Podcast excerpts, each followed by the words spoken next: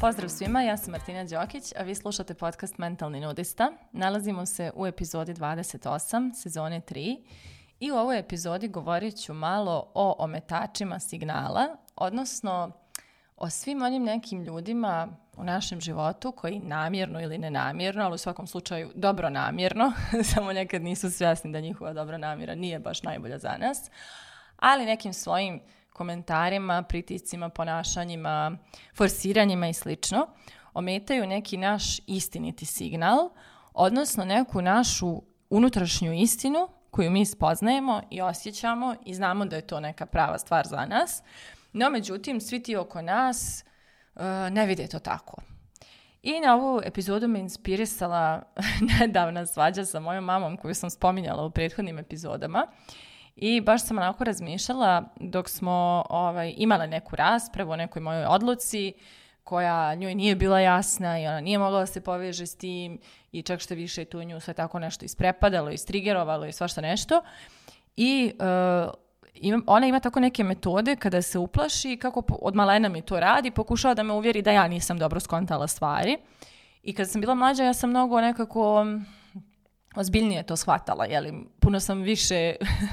davala snage njenim riječima nego što sam u svoje neke ideje vjerovala ili u svoj osjećaj.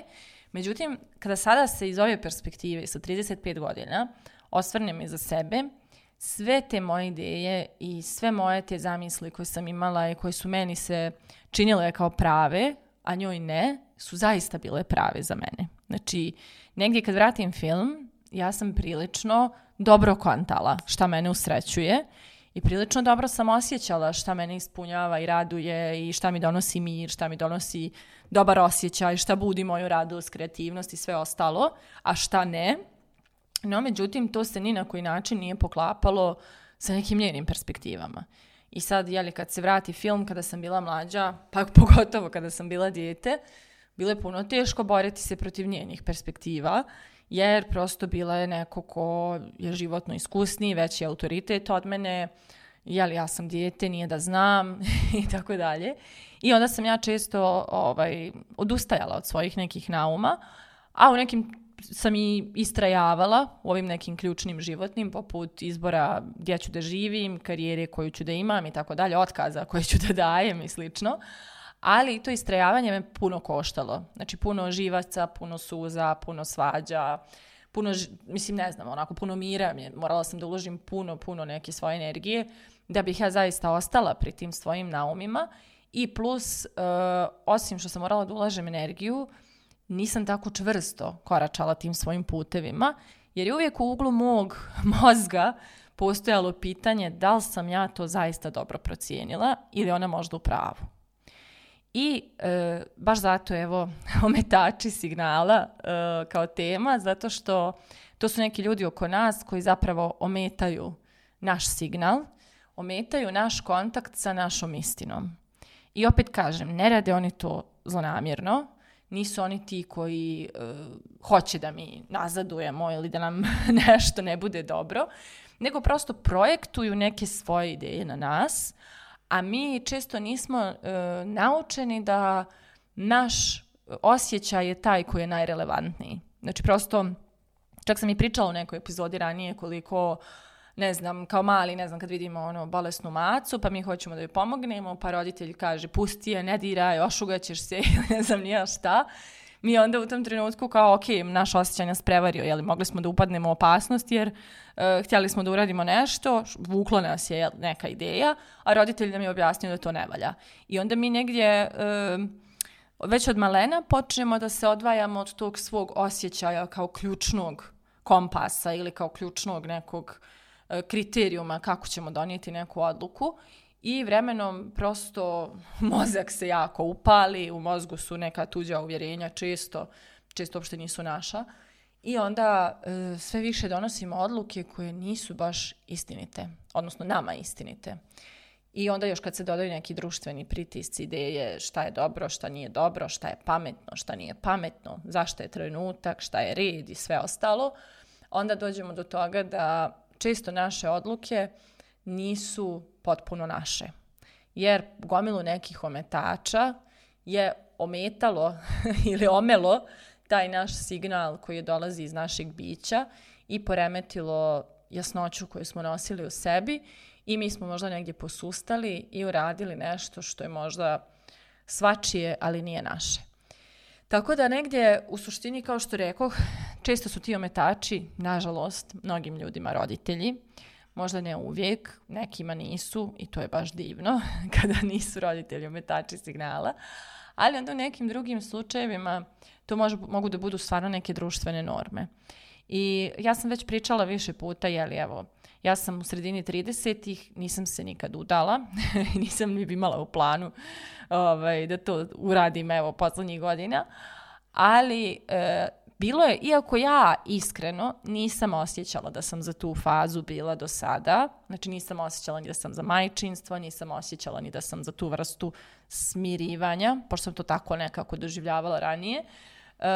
ipak je postojalo mnogo puta upitanost neka u meni da li sam ja ispravna i da li neke stvari koje radim Uh, da, da li to govori nešto o meni, jel, ako ja sad nisam u toj fazi, ako ovo, ako ono. A u stvari, uh, ti ometači signala nisu bili moji istinski. Znači, evo ja sad kada sam negdje načisto sa sobom, čak i u toj temi, um, shvatam da to nije bila moja istina. Znači, nije, nije bilo nešto čemu sam ja težila, nije bilo nešto što je bilo prioritet u mom životu u svojim prethodnim godinama i samim tim nije se ni dešavalo, jel? Tako da, ovaj, ali postojalo je to, znači postojala je neka sumnja u sebe, neka upitanost za svoju ličnu vrijednost, svašta nešto je postojalo. Isto to sam prošla kroz preduzetništvo, uh, zato što se dešavalo da, da sam u krugu ljudi koji nisu u preduzetništvu I e, iako su oni bili podržavajući ka mojim nekim odlukama, e, njihov život je mene trigerovao da preispitujem svoje odluke, iako je signal u meni bio jasan, da ja jesam na svom putu, da sam izabrala da radim nešto što jeste moja misija, da sam e, prosto našla način da na najljepši način živim neke svoje vrijednosti. Ipak kada sam gledala oko sebe ljude koji imaju neke sigurne poslove i dobra primanja i ljetovanja, zimovanja, dok ja vamo radim 15 sati dnevno i ne zarađujem ništa jer gradim firmu, Um, puno puta mi je to metalo signal i dovodilo u pitanje da li sam normalna, jeli? znači, puno puta sam onako uh, sa sobom se preispitivala da li ja znam šta radim, da li sam ja sve promašila, da li ja išta kontam i tako dalje. I iako je moj osjećaj bio savršeno jasan, uh, glava je dovodila taj osjećaj u pitanje. I uh, kako godine prolaze, što više jeli, svojim radom, svojim odlukama potvrđujem sebi da pravim dobre izbore, to mi je nekako jasnije da u meni postoji vrlo jasan signal i da je možda negdje uvijek postojao. Znači ja stvarno sad kad vratim film, ja sam uvijek nekako bila u kontaktu i svi smo, ne samo ja, svi smo mi od uvijek u kontaktu sa stvarima koje nas zaista usrećuju. Svi mi znamo da prepoznamo svoju radost, svi mi znamo da prepoznamo uh, nešto što uzbuđuje naše potencijale, što vuče u nama neku kreativnost, što nas ubacuje u dobro stanje. Znači, svi mi to znamo da prepoznamo. Ali često metač signala može da bude i to da u našoj glavi postoji masa uvjerenja koje nisu naša, a koje tvrde da je to baš to što želimo glupo ili nedovoljno ili nemoguće ili možda nije za nas, nismo mi ti koji to možemo Ili često što sam sretala jeli, u raznim nekim strukama kako će se od toga da se živi, to ne može da bude karijera,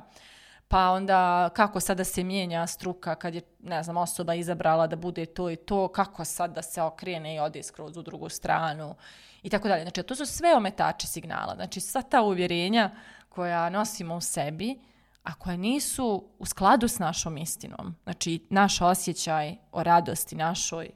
jedno priča, a naša glava skroz nešto drugo, pa ko je onda tu u pravu? Svakako ne bih rekla da je glava, jer mi valjda sve što radimo na ovom svijetu i ovom životu jeste da budemo dobro i da budemo srećni, a nekad stvarno promašimo put do te sreće zato što ne čujemo taj signal, odnosno pravimo se da ga ne čujemo, često ga ignorišemo iako je vrlo jasan, često ga gušimo u sebi. Znači nekad taj signal u nama postane toliko snažan i toliko precizan i toliko ono glasan, ali mi ono na sve načine pokušavamo da ga ugušimo jer ometači tog signala u našoj glavi pokušavaju da nas odvoje od toga. I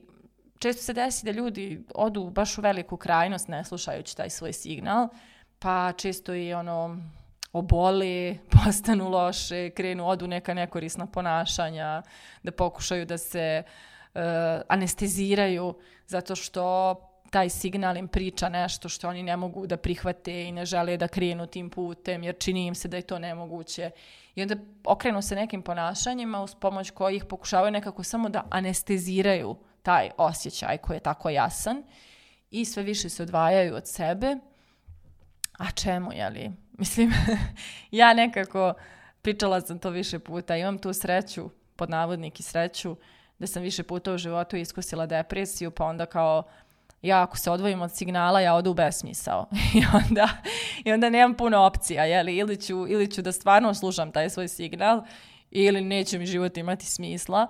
Ali mnogi ljudi uspijevaju to da budu na toj nekoj sredini, da kao malo čuju signal, malo ga guše, pa pokušavaju negdje da balansiraju između toga što metači pričaju, toga što njihov signal priča, ali naporno je to. To je ogromna neka unutrašnja borba koja često nosi sa sobom i glavobolje i razne neke druge stvari, ali suština je čemu boriti se kad signal je tu da radi za nas i da nam kaže našu istinu i da nas dovede do naše radosti, je tako? Tako da moje pitanje za kraj ove epizode je slušate li svoj unutrašnji signal ili puštate ometačima da oni određuju. Mislite o tome, a mi se družimo u narednoj epizodi.